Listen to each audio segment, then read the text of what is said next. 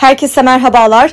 Bugün 29 Haziran 2021. Hazırsanız Türkiye ve dünya tarihinde bugün de neler yaşandı? Gelin hep birlikte göz atalım.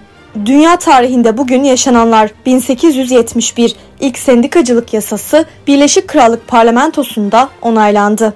1956 Amerikalı oyun yazarı Arthur Miller'la aktrist Mary Morrow Londra'da evlendi. 2000 Endonezya'da yolcu taşıyan bir tekne 500 yolcusuyla birlikte battı, kazadan kurtulan olmadı. Türkiye tarihinde bugün yaşananlar 1868 Namık Kemal ve Ziya Paşa tarafından Yeni Osmanlılar Cemiyeti'nin yayın organı olarak düşünülen Hürriyet gazetesi Londra'da yayımlanmaya başlandı.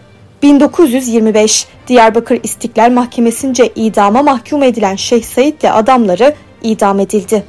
1934 Bitlis'te doğan Zara Oğa 157 yaşındayken yaşamını yitirdi, iç organları inceleme amacıyla alındı.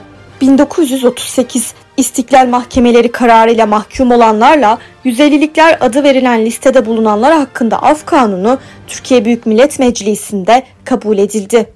Bugün doğanlar 1931 Türk yazar Sevim Burak dünyaya geldi. 1945 Türk araştırmacı ve yazar Ahmet Hazcanlı doğdu.